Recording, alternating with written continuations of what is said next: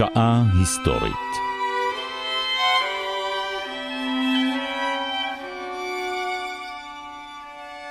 גאון בונה ואידיוט הורס הפרופסור מיכאל הרסגור וליעד מודריק משוחחים על אוטו פון ביסמרק ועל וילהלם השני.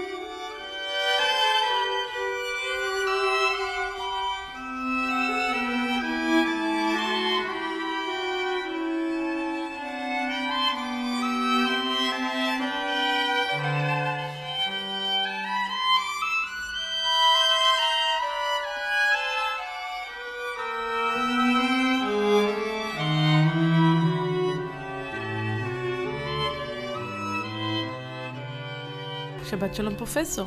שבת שלום. השם שבחרת לתוכנית הערב הוא לא פשוט.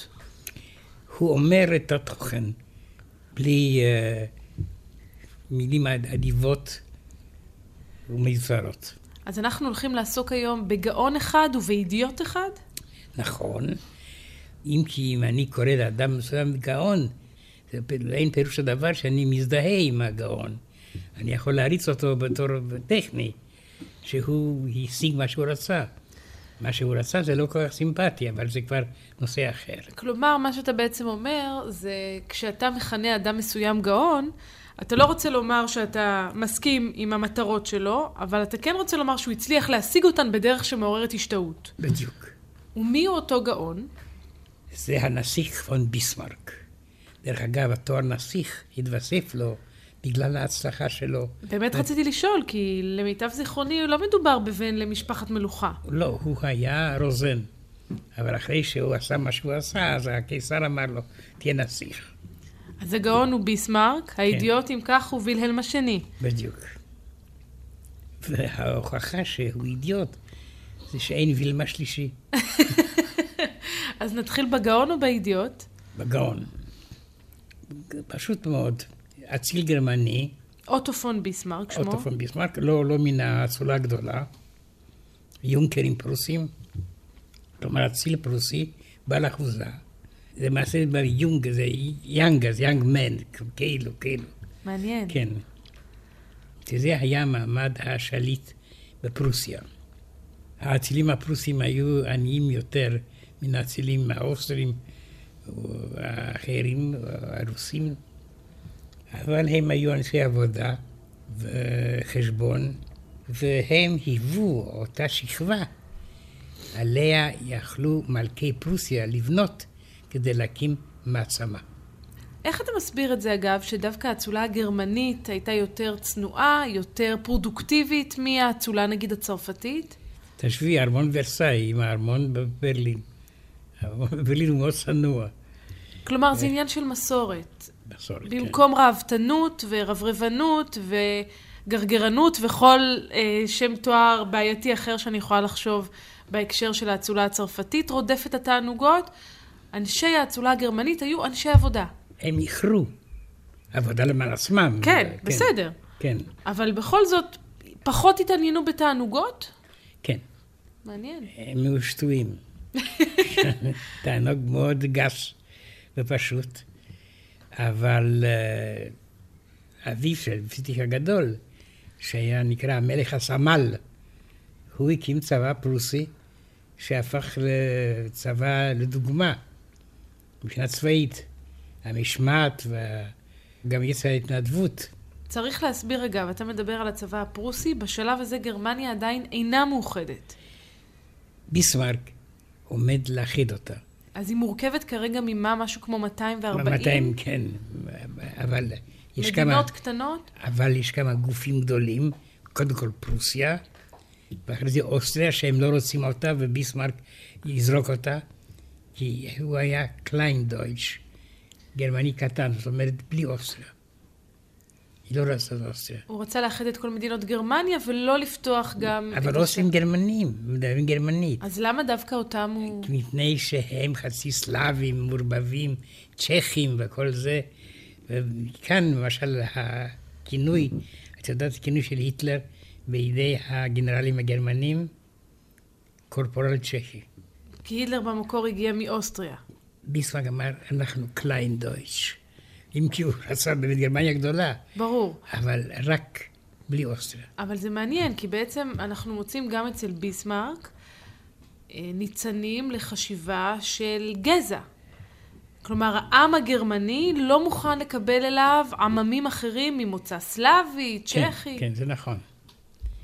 זה נכון, זה כלומר השורש של הלאומנות, הגזענות, נמצאת כאן, כבר, בשלב מאוד מוקדם.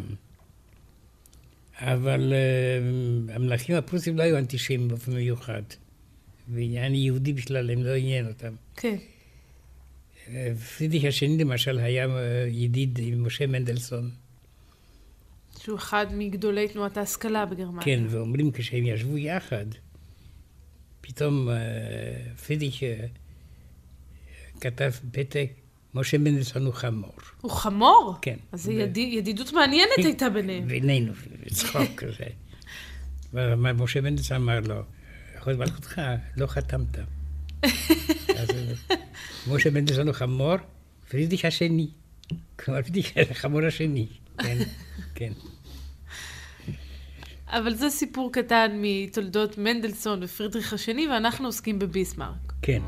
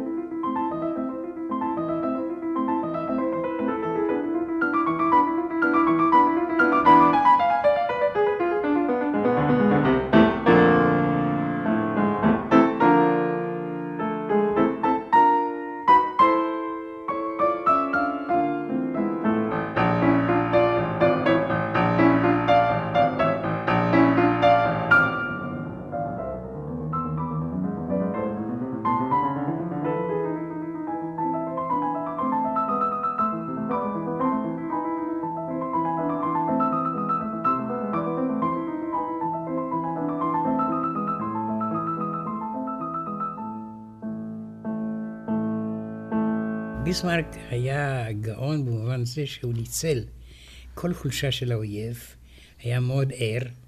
דרך אגב, הוא היה גם מאוד משכיל, מאוד מעניין שאמר האיש הזה, שהוא דוגמת הפוליטיקאי הקשה והמשוריין, כתב מכתבי אהבה לאשתו, וציטט את גוטה, את שייקספיר. הוא ידע שייקספיר בעל פה. אז הוא היה רומנטיקן. גרמני, כן. הוא היה מאוד משכיל.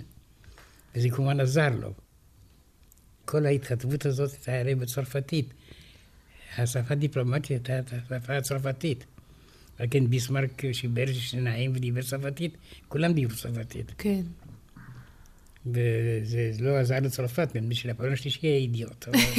עוד אידיוט. אבל אנחנו עכשיו עוסקים בביסמרק, והזכרת קודם שהוא איחד את גרמניה, את כל המדינות הקטנות, אבל צריך לומר, איחד אותן תחת שלטון פרוסיה. כן, הוא לא התכוון משהו אחר.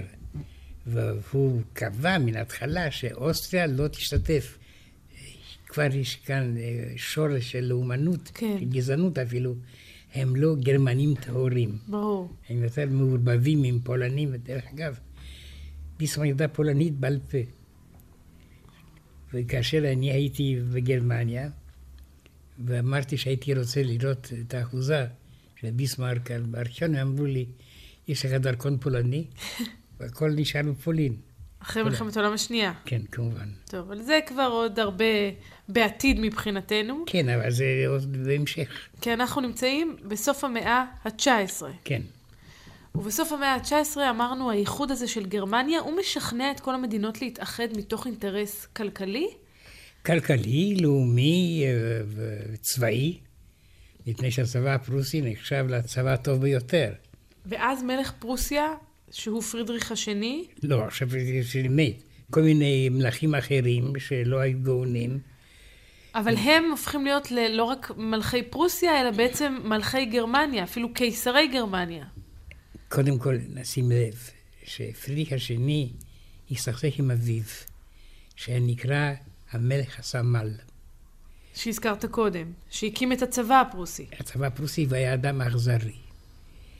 כאשר הוא ראה שהבן שלו, פרידריך, השני, עדיין לא, הוא לא- עדיין לא מלך, כשהוא היה יורש הוא העצה. נשיא ראש עשר, מתיידד עם אה, חבר גרמני, אז הוא השיג הוצאתו להורג של החבר, שחף מפשע. פשוט כי הוא לא אהב את החברות ביניהם. כן. שהחברות הזאת איננה בונה מבחינה צבאית. אז הוא חיסל אותו. הוא חיסל אותו, כן. זה היה מחריד, זה... פרידי השני לא התאושש מזה. אומרים שהוא לא אהב נשים. פרידריך השני. כלומר, השני. כשאביו פרידריך הראשון רוצח את החבר שלו, יכול להיות שהוא בעצם רצח את האהוב שלו. יכול להיות, כן. האבא חשד משהו בזה, אבל אחרי זה הוא לא הכניס את אשתו להיריון, פרידי השני. בכלל לא ראה אותה. רק בקושי ובהזדמנויות חגיגיות הם נפגשו. אבל פרידריך השני נחשב למלך טוב. הוא היה אידיאל של היטלר, את יודעת, בימים האחרונים בבונקר, הוא סחב את התמונה של פרידריך השני. כי מה? המלך המנצח. כשהיטלר הגיע למסקנה שהוא הפסיד ושהכול מתמוטט, אז הוא הלך עם התמונה של המלך שכן הצליח.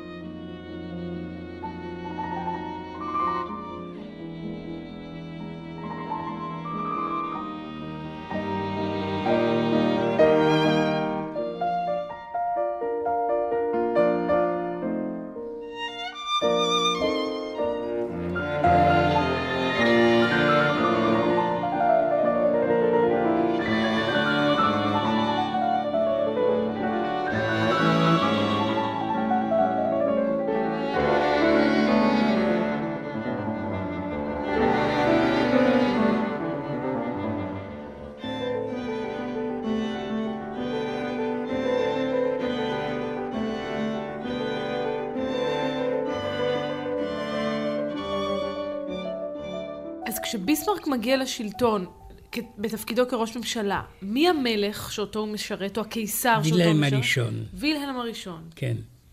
דמות אה, לא חשובה. אמנם וילם השני העריץ את סבא שלו, שהוא וילם הראשון, אבל וילם הראשון אה, לא פעל, כשבעצם מי שמחזיק במושכות הוא ביסמרק עצמו. ודאי. וילהלם הראשון יושב, נשען לאחור ונהנה מפירות ההצלחה של ביסמרק. בדיוק, והוא תומך בביסמרק, אבל הוא לא, הוא מולך אבל לא שולט. ווילם השני אמר, אני רוצה למלוך ולשלוט. אנחנו נגיע לווילהלם השני. כן.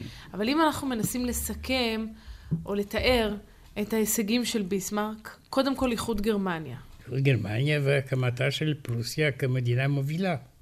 וילם הראשון לא היה קיסר גרמניה, הוא היה קיסר גרמני. זה היה התואר שלו. כלומר, הוא איננו משפיל את אה, המדינות האחרות, וירטנברג, סקסוניה וכל אלה. הוא אחד מן הרבים.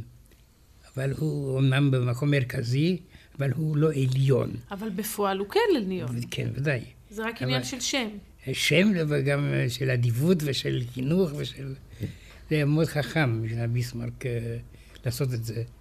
כי הוא הבין שההצהרות וההצגות מושכות את הקהל, והוא רצה את העניין עצמו ולא את התפאורה.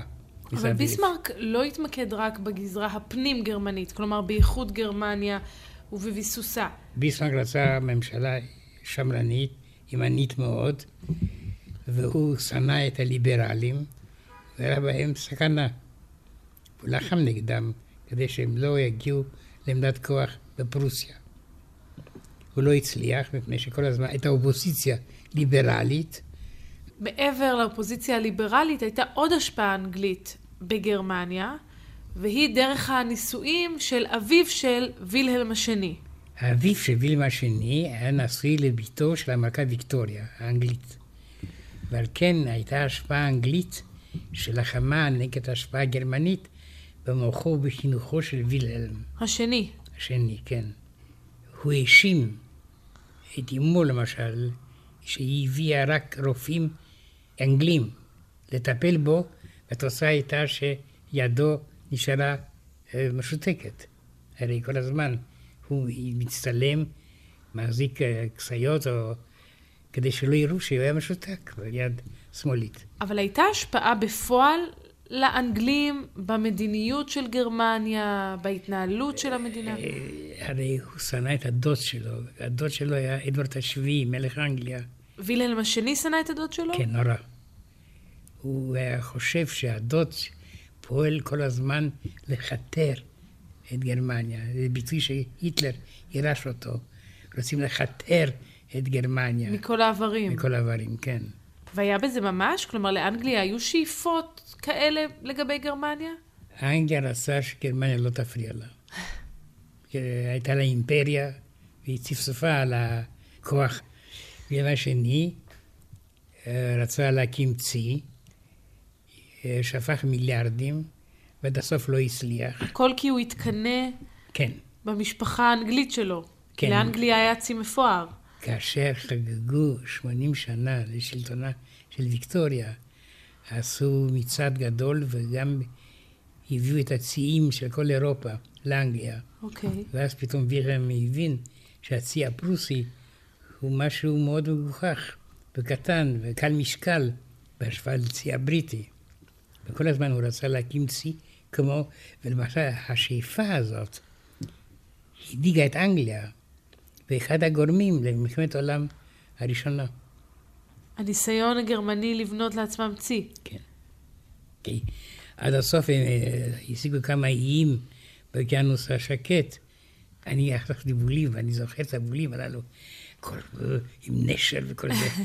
סוף סוף הגענו לאוקיינוס השקט, גם לנו יש צי באוקיינוס השקט. כלומר, גרמניה הייתה קצת שטופה באיזשהו שיכרון כוח. קומפלקס. כלומר, היא הייתה מקנאה באנגליה, והיא לא שמה לב שמה שההתנהגות של גרמניה מביאה לקירוף בין צרפת לאנגליה. וזה היה הדבר הגרוע ביותר שיכול להיות למען גרמניה. אתה עכשיו כבר מתקרב למלחמת העולם הראשונה, בתקופה הזו ביסמרק כבר לא בין החיים. הוא לא בין החיים, הוא מת עשרים שנה לפני הסוף, והוא ניבא הוא השווה את פרידריך השני עם התקופה שלנו, והוא כתב, עשרים שנה אחרי ניצחונות של פרידריך השני, פרוסיה נחלה מפלה. והוא רמז שעשרים שנה אחרי מותו שלו, גרמניה תיכשל, וזה נכון. הוא ניבא את זה בדיוק. הוא מ-1898, עשרים שנה במפלה של גרמניה. ב-1918. כן. כלומר, הנבואה שלו הייתה מדויקת על השנה. מדויקת.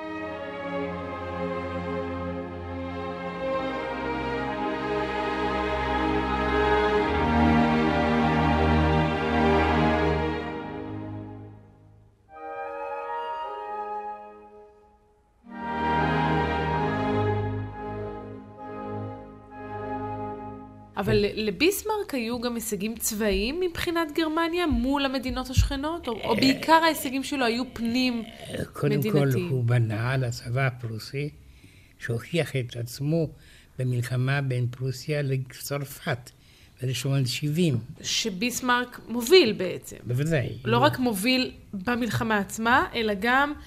מכשיר את הקרקע לפרוץ המלחמה. בדיוק, בדיוק. הצרפתים חיו בפחד ששושלת אחת תשלוט גם בספרד וגם בגרמניה. ואז כנה הם מכותרים, כפי שהיה המצב במאה ה-16. למעשה יהיו לכודים בתוך הצבת הזה, מצד אחד ספרד, מצד אחד גרמניה. מה קורה? העם הספרדי מתקומם נגד המלכה איזבל השנייה, שהייתה בינינו ובין עצמנו מאוד בינונית, וכס המלוכה פנוי. ואז כל אחד רוצה להשיג את המועמד שלו, ובין השאר היה נשיא גרמני. ואז נפוליאון אמר, אם, והיו סצנות גסות מאוד, כאשר השגריר הצרפתי התערב בטיולו בבוקר של הקיסר וילהלם, ותבע ממנו שהוא יגיד לאותו נשיא גרמני שיפסיק עם המועמדות שלו לכתר ספרד. והוא מפסיק? הוא הפסיק, אבל המלחמה פרצה. נפוליאון שאנחנו מדברים בו, השלישי. הוא נפוליאון השלישי, צריך כן. להזכיר. לא נפוליאון הראשון, עטור לא, לא. הניצחונות, אלא אחיינו של נפוליאון הראשון, נפוליאון כן. השלישי, כן. שגם הוא מצליח לכבוש את צרפת בסערה, אבל הוא יפסיד הפסד צורב לביסמרק, כן. שגם, אם אני זוכרת נכון, אה, מתחבל תחבולות נגד נפוליאון השלישי. הוא מרמה אותו. בעצם המלחמה פורצת, כי ביסמרק גורם לנפוליאון השלישי להאמין במצג שווא. מפני שהוא זייף מברקים, כדי שנפוליאון השלישי יחשוב שיש איזה קשר נגדו, אבל למעשה ה- המברק זויף על ידי ביסמרק עצמו. שם מאוד ערמומי. המברק של אמס. מה קרה? כשהוא נכנס במשרד החוץ, ביסמרק מצא מברק שנכתב על ידי שר החוץ, ששם הוא אומר שהיה שיחה עם השגריר הצרפתי, והוד מלכותו אמר שהוא לא חייב לדאוג. אז מה עשה ביסמרק? לקח עט והוסיף את הסגנון של המברק הזה, כדי שיהיה מעליף ככל האפשר לצרפת. וכאשר המברק הזה פורסם בפריס, היו הפגנות מיד, מלחמה עם פרוסיה. כלומר, ביסמרק השיג. אבל למה הוא כל כך רצה מלחמה? הוא רצה לנצח את נפוליאון השלישי. הוא ידע שהצבא הצרפתי הוא חלש. והוא ידע להפסיק את זה. נפוליאון, נפוליאון, גמרנו. עכשיו פרוסיה היא המעצמה הראשונה של אירופה, ולא נפוליאון. והמשמעות המעשית של הניצחון הזה היא מה, עוד אדמות לגרמניה, לפרוסיה? או... אה, מעצמה מובילה. אז ביסמרק מצליח לחזק את גרמניה קודם כל במובן של איחוד המדינה. אחר כך בהקשר של הלחימה מול צרפת. כן, והוא למעשה הופך אותה למעצמה מובילה, מה שהיא לא הייתה קודם. בדיוק. המדינות האחרות מעבר לצרפת לא מנסות להחליש את הכוח המתהווה הזה? הגרמנים פחדו מאוד שתהיה התקרבות בין צרפת לבין רוסיה. ופתאום השגריר הגרמני שומע שהצי הצרפתי בלסן פטרסבורג אורח. וזה ו- מאוד מטריד את הגרמנים, כי כן, זה סממן להתקרבות בין הרוסים לצרפתים. שההמנון הצרפתי למרסייז היה אסור ברוסיה. מפני שהמנון מהפכני. כן. רוסיה הצארית. הצארית. ואלכסנדר השלישי, קודם כל, היה הסכם סודי בהתחלה. תזמורת הצי פצחה במרסייז, והוא הצדיע. כלומר, הצרפתים מבקרים ברוסיה, והצאר הרוסי עושה להם כבוד. זאת אומרת שיש ברית בין צרפת לבין רוסיה. אז מה ביסמרק עושה נגד כדי... גרמניה, אז כן. מה ביסמרק עושה כדי להתמודד עם הברית הזאת? אנחנו מוכתרים. ואחרי זה, התעמולה הייתה שיש לשבור, לנפץ את הקיטור. וזו המלחמה מול צרפת, כן. שבה הוא מנצח. כן. ואז הרוסים כבר לא מתעסקים איתו.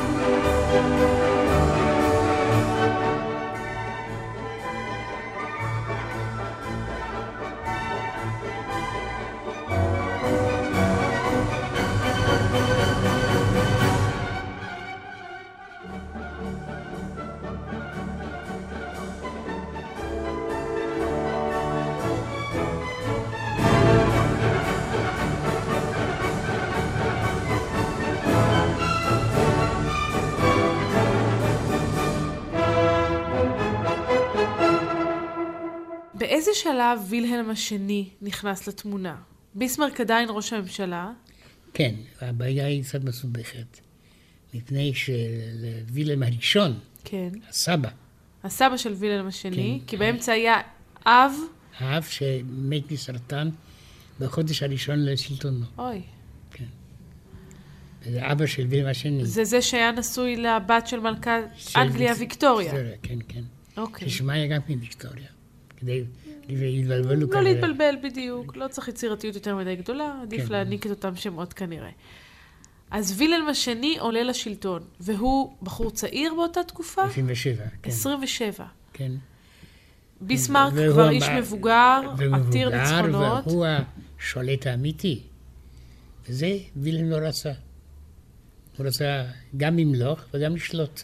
טוב, אפשר מצד אחד להבין אותו. יש מלך לג- לגרמניה, יש אפילו קיסר לגרמניה, ובעצם מי שמקבל את כל ההחלטות הוא ראש הממשלה ביסמרק. כן. אבל אה, ביסמרק לא נתן למלך להתערב, הוא ניהל את המדינה, והשקט וילי לא כל כך, הראשון לא כל כך התערב, הוא נתן לביסמרק לשלוט. היה לו דווקא נוח שביסמרק כן, יקבל את כל ההחלטות, בוודאי. יעמוד בעומס, והוא ייהנה בעיקר מהכבוד של להיות קיסר גרמניה. לא רק זה, אבל הוא או היה... קיסר גרמני, כפי שציינת. קיסר גרמני. הוא היה מאוד פופולרי, הוא היה אדם שהביא להקמתה של המעצמה הגרמנית. וילהלם הראשון, הראשון, כן. באמצעות ביסמרק. הודות לביסמרק, כן. אז איך וילהלם השני מנסה למעשה לתפוס את מושכות השלטון בידיו? עם החלטה על מצב הפועלים. פתאום הוא הפך להיות אה, כאילו שמאלי, וילם השני. הוא רצה להגן על הפועלים, והוא טען שהחוקים נגד הפועלים הם אכזריים מדי, והם רוצים להפוך את המלוכה שלי, ההתחלתית, לשפיכות דמים של הפועלים. כלומר, הוא התנגד לחוקים אנטי פועלים. אבל זה דווקא צעד אה, מרשים. כן, אבל uh, התוצאה הייתה שהוא הסתסק עם ביסמרק. והסכסוך עם ביסמרק הביא לשקיעתה של גרמניה, כפי שנראה בהמשך. הוא מינה כל מיני קאנצלרים במקומו, שלא היו שווים, מה, הוא מפטר אותו? הוא מפטר אותו. המצב היה מאוד טרגי. אפילו רגע מסוים, ביסמרק פנה לוויקטוריה, אמו של וילם השני, והתחנן שהיא תדבר עם בנה, שהבן שלה, וילם השני, כן. ישאיר אותו בשלטון. והיא עושה את זה? זה לא עשה את זה. היא לא מוכנה. לא הייתה לא מוכנה. ישבה, הבן שלי חייב לשלוט. אבל זו הייתה השפלה איומה על ביסמרק. פתאום הוא, האדם שעשה את גרמניה, כן. הוא עף במקומו על ידי בחור צעיר שלא מתמצא ושלא מבין, ויביא את גרמניה לאסון. והוא ניבא. והקאנצלרים שבאו אחרי ביסמרק, היו קאנצלרים שמונו על ידי וילם השני, שהיו בינוניים ביותר, ולמעשה גרמניה התחילה לשקוע. אמנם היא גדולה, היא חזקה מאוד, אבל וילם השני מדבר גבוה גבוה, אבל מרגישים שביסמרק איננו. אז מאבק אחד שבו הוא למעשה מפסיד זה מאבק החוקים לגבי הפועלים. כן. מה עוד? איפה עוד אתה מסמן את הכישלונות של וילהלם השני? וילם השני, קודם כל, היחס שלו לאנגליה היה חולני. הוא נתן הצהרות. קודם כל, הוא שלח מברק ברכה לבורים שלחמו נגד אנגליה בדרום אפריקה. כן. פתאום הוא, הנכד של ויטוריה, שולח מברק לברך מישהו שעומד נגד צריך להזכיר, הבורים אלה למעשה הולנדים. ההולנדים, מתיישבים הולנדים. שמתיישבים הולנדים שהגיעו לדרום אפריקה והפכו אותה לשלהם. בדיוק. הם לימים ישליטו את משטר העבדות האפרטהייד, והאפרטהייד כן. וכל מה שקשור לזה. כן. הם מתקוממים נגד האנגלים שרוצים גם הם נתח בדרום אפריקה, ווילהלם השני בוחר לצדד בבורים. זה אבסורד, מפני שקודם כל הוא היה קרוב משפחה של אנגליה, והבורים הללו לא החזיקו מעמד, הם הפכו למושבה בריטית. אבל מעבר לעניין הפוליטי, שזו החלטה שגויה, כפי שהסתבר, כי הם הפסידו בסופו של דבר, כן. למה ברמה האישית הוא עושה את זה? כפי שאמרת, הוא קרוב משפחתה של ויקטוריה, למה הוא כל כך שונא את האנגלים? הוא שנא את אדוארד השביעי, הדוד שלו, הכל בגלל הצי? הציב, וגם אישי משהו. הוא השתמש במילה שאחרי זה היטלר השתמש, לכתר. כן.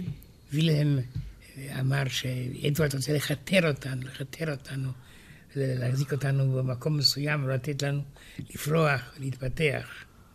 זה הפך לשיגעון טוטאלי. מה, פרנויה ממש? היסטוריונים רבים מזכירים היסטוריה של טירוף במשפחת הוינסולרן. כלומר, בין אבותיו של וילם השני היו אנשים בלתי שפויים, כך שזה לא צריך להפתיע אותנו כל כך. נוסף לזה, וילם היה משותק יד ימינו.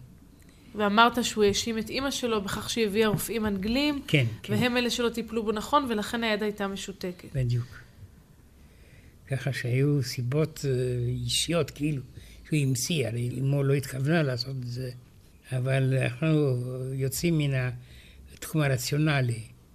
בפוליטיקה, גם אצל היטלר נפגש את זה. בשלב מסוים היטלר, בשלב מוקדם, הפסיק להיות רציונלי. אבל הוא ירש למעשה את המסורת של אה, פרוסיה הקודמת.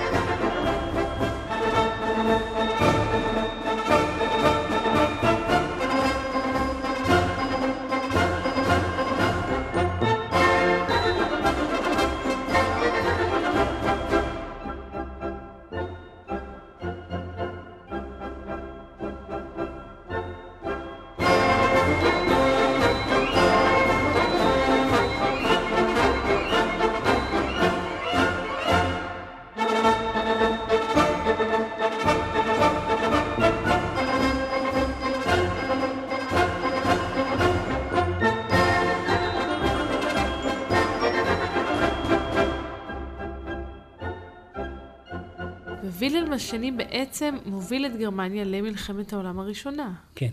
מה היה החלק... ולמפלתה. בוודאי. מה היה החלק שלו בזה? היה חלק גדול מאוד.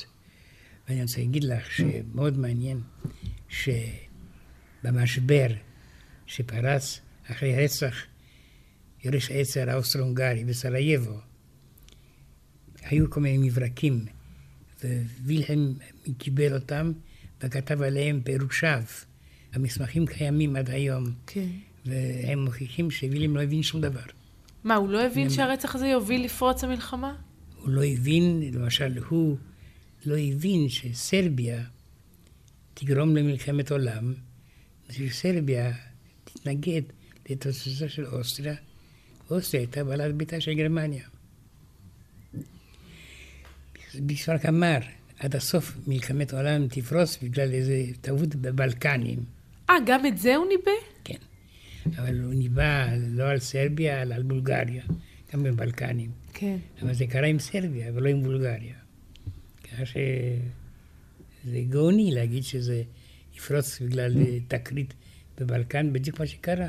אבל מבחינת הבריתות הפוליטיות שווילהלם השני כורת או מקדם, הוא היה בעל ברית עם אוסטריה, וגם כאן, אתן לך דוגמה, פרנץ יוזף, כן. הקיסר האוסטרי, שהיה בעל ברית עם, עם פרוסיה, היה מאוד מודאג מן העובדה שיורש העצר, פרנץ פרדיננד, זה שרצח בסרייבו, רוצה לשאת לאישה רוזנת צ'כית. וביקשו מווילהלם להתערב. אז ההתנגדות לשידוך הייתה מטעמי חוסר כשירותה של הרוזנת הצ'כית? כלומר, היא לא הייתה מספיק בעיני אצילה? פרנס יוזף. ופרנס יוזף חשב, אבקש מן בעל ברית שלי, וילהלם, להשפיע על קרובי. אז מה הוא עושה? הוא התנגד, וילהלם אמר לא, אנא אהבה, וכל זה שטויות. כי הייתה בעיה פוליטית. פתאום הוא מדבר על אהבה ועל הכל. והנישואים הוא יוצאים לא לפועל. התערב, כן, והחזיק מעמד, ושניהם נרצחו בסרייבו. אבל הנישואים האלה לא היו סיבת ההתנגשות לא, בפרנס לא. פרדיננד. לא, אבל העובדה שגם היא נרצחה, הוסיפה לטרגדיה פן עוד נוסף, אישי, משפחתי. אז טעות אחת שלו הייתה שהוא לא הבין את המשמעות של ההתנגשות בפרנץ פרדיננד. לא. אבל אני מניחה שהיו לו טעויות מוקדמות יותר, שהובילו בכלל למאזן הכוחות הזה שיצר את המלחמה. הבעיה הייתה עתידה של חצי הבלקני, והאוסטרים, שרצו איכשהו לסתום את ההתרחשות הסלאבים, רצו להשתלט על התהליך הזה. על כן ב-1908 הם סיפחו בוסניה והרזגובינה, שזה בבלקן. כן. כדי לא לתת לסלאבים להתקומם. אבל פתאום בא סלאבי צעיר ורוצח את פרנץ פרדיננד. אוסטריה לא מקבלת את הדרישות של הסרבים שרצו להתערב, ולהפך, האוסטרים דורשים שאנחנו ניכנס לתוך סרביה ונחקור את זה בסרביה גופה. וגרמניה מחויבת ללכת אחרי אוסטריה בגלל כן, הברית ביניהם. כן, כן. אז אם אתה מנסה למקם את הטעות של וילהלם, זה רק בחוסר הבנת המשמעות של הרצח של פרנץ פרדיננד, או קודם אולי אפילו בברית עם אוסטריה, בתנאים, כבר אז הוא שגה. הוא היה השתבד לאוסטריה. אוסטריה הייתה מסוכסכת עם הסלאבים, על כן אפשרות של זיק שיצית את התבערה היה קיים מן ההתחלה.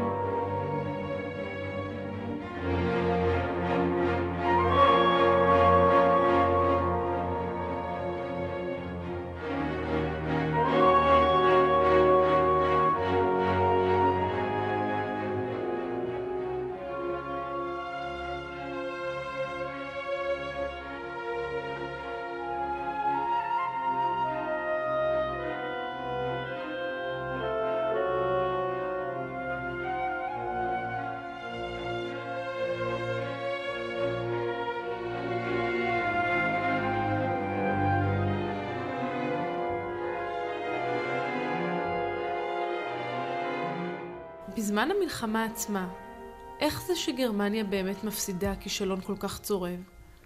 אל תשכחי שגרמניה הפסידה כאשר החיילים הגרמנים היו בכל מקום מחוץ לגרמניה. זה הגרמנים לא תפסו.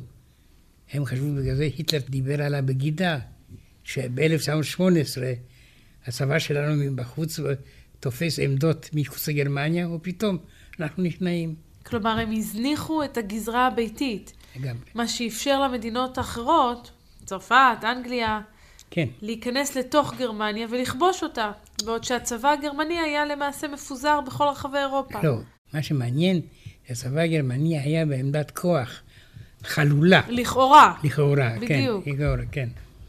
ובפריס פתאום כששמעו שהגרמנים מבקשים שלום, הייתה פזוז של שמחה עצומה.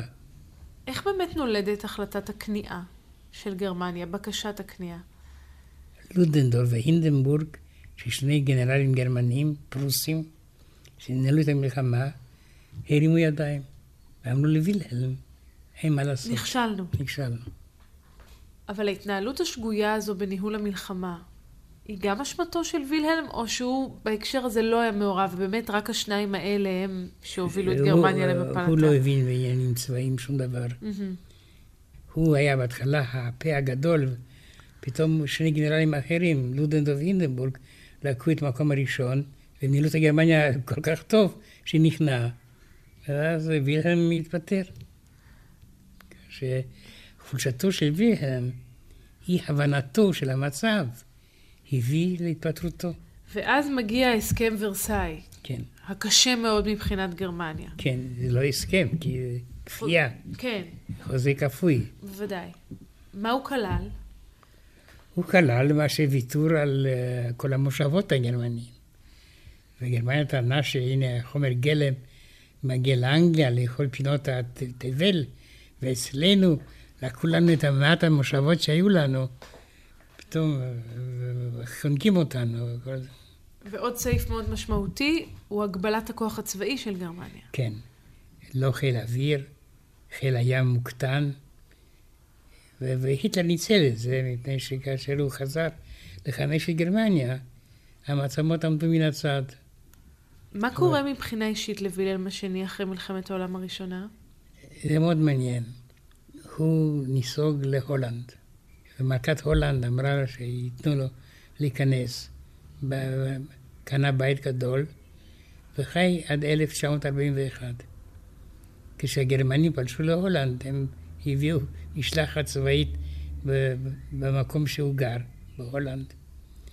אבל הוא ביקש לא לקבור אותו בברלין, אלא בהולנד, ושיעבירו את עצמותיו לברלין, כאשר גרמניה תהיה שוב מלוכה.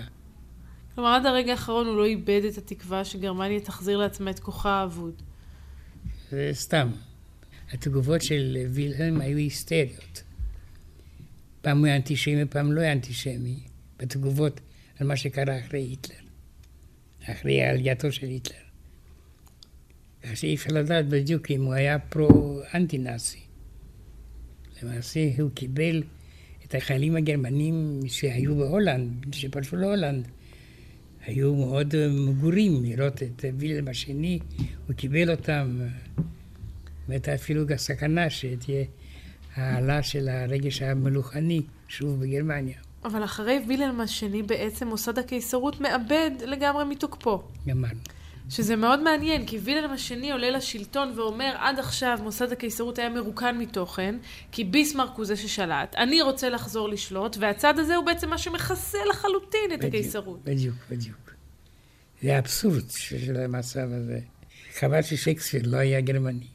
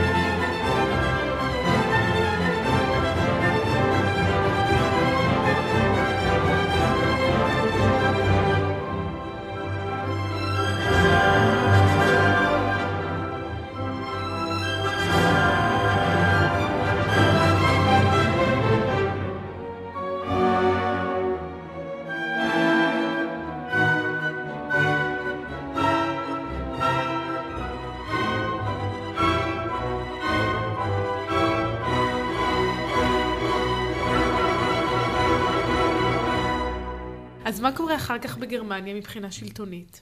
הקיסרות מתמוטטת, יש כל מיני התקוממויות שמאליות, והנאצים עולים לשלטון. לא, אבל יש עוד כמה שנים בין...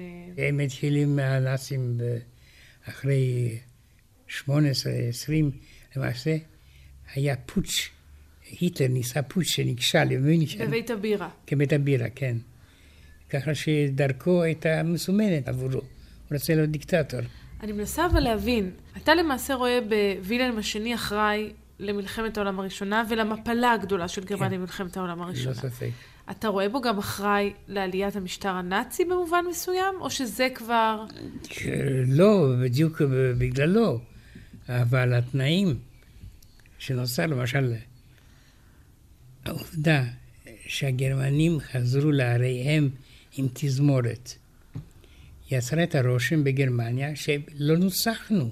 מה, במלחמת העולם הראשונה? הם חזרו לעריהם עם תזמורת צבאית. הייתה הרגשה, הנה, איזה פאר, ופתאום אנחנו נכנעים ואנחנו מוסרים את הכל לאנגלים או לצרפתים. אז שזה רק העצים את התסכול הגדול של חוזה ורסאי. בוודאי. לא הייתה הרגשה שהם נוצחו, והיטלר למעשה הפך להיטלר כשהיה בבית חולים, סובל מהתקפת גזים. כחייל במלחמת העולם הראשונה הוא נפגע כן. מגז שהפעיל כלפיו האויב. כן. ואז הוא מזכיר את זה. אני הייתי חייל פשוט, מתענה בגזים, כאשר אלה בגדו בנו והפקילו גרמניה. אז זו בעצם הייתה התשתית גם לעליית המשטר הנאצי. כן. המפלה ב-1918 היה יסוד עלייתו של היטלר שלטון. אז אם אני מחזירה אותנו לפתיחת התוכנית ולשם הזה שנתת לה, הגאון הבונה והאידיוט ההורס, כן. ביסמרק יצר גרמניה חדשה, וילהלם השני, אתה אומר, למעשה הוביל לריסוקה. כן, אה, אני לא, עוד פעם, אני אסתייג. גרמניה החדשה של ביסמרק זה לא היה מודל. ברור, כן, לא כן. גרמניה שאתה היית מקים, כן. לו היית שם, בסביבה. אבל בכל זאת הקים גרמניה חדשה, חזקה, מעצמה, מעצמה ימנית שמרנית. שמאבדת מכוחה כמעט באחת תחת שלטונו של וילהלם השני. כן. אחרי זה הוא ניהל יומן, הוא כתב מכתבים, וילהלם השני? השני כן, ואי אפשר להבין אם הוא פרו-נאצי או אנטי-נאצי. פעם יש התפרצות כזאת אנטישמית, פעם יותר מתונה, אבל היה ברור שהוא לא מסוגל לשלוט בגרמניה, ולא תהיה רסטורציה. אבל הוא, הוא הודה בכישלונו? הוא הבין את הטעויות שלו? הוא לא הודה. אין טקסט שבו אין הוא... טקסט, לא, לא. יש כל מיני מכתבים שהוא כתב, הערות, שמראה שהוא לא למד שום דבר למעשה. וזה מה שהופך אותו אולי לאידיוט בעיניך, בין השאר. ודאי. גיבור של פרשה כזאת, ולא להבין אותה, זה הוכחה שהוא היה באמת מוגבל בחוכמתו במידה הגדולה ביותר.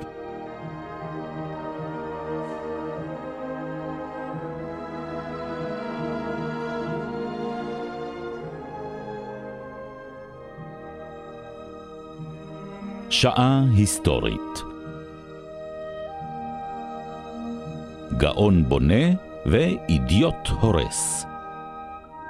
הפרופסור מיכאל הרסגור וליעד מודריק שוחחו על אוטו פון ביסמרק ועל וילהלם השני.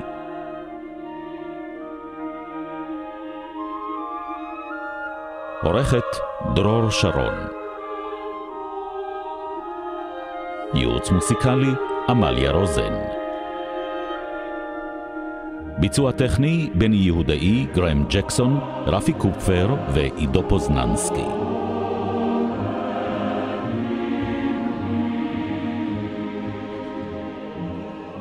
בתוכנית הושמעו קטעים מאת המלחינים יוזף היידן, לודוויג ון בטהובן, יוהאן ברהמס ויוהאן שטראוס.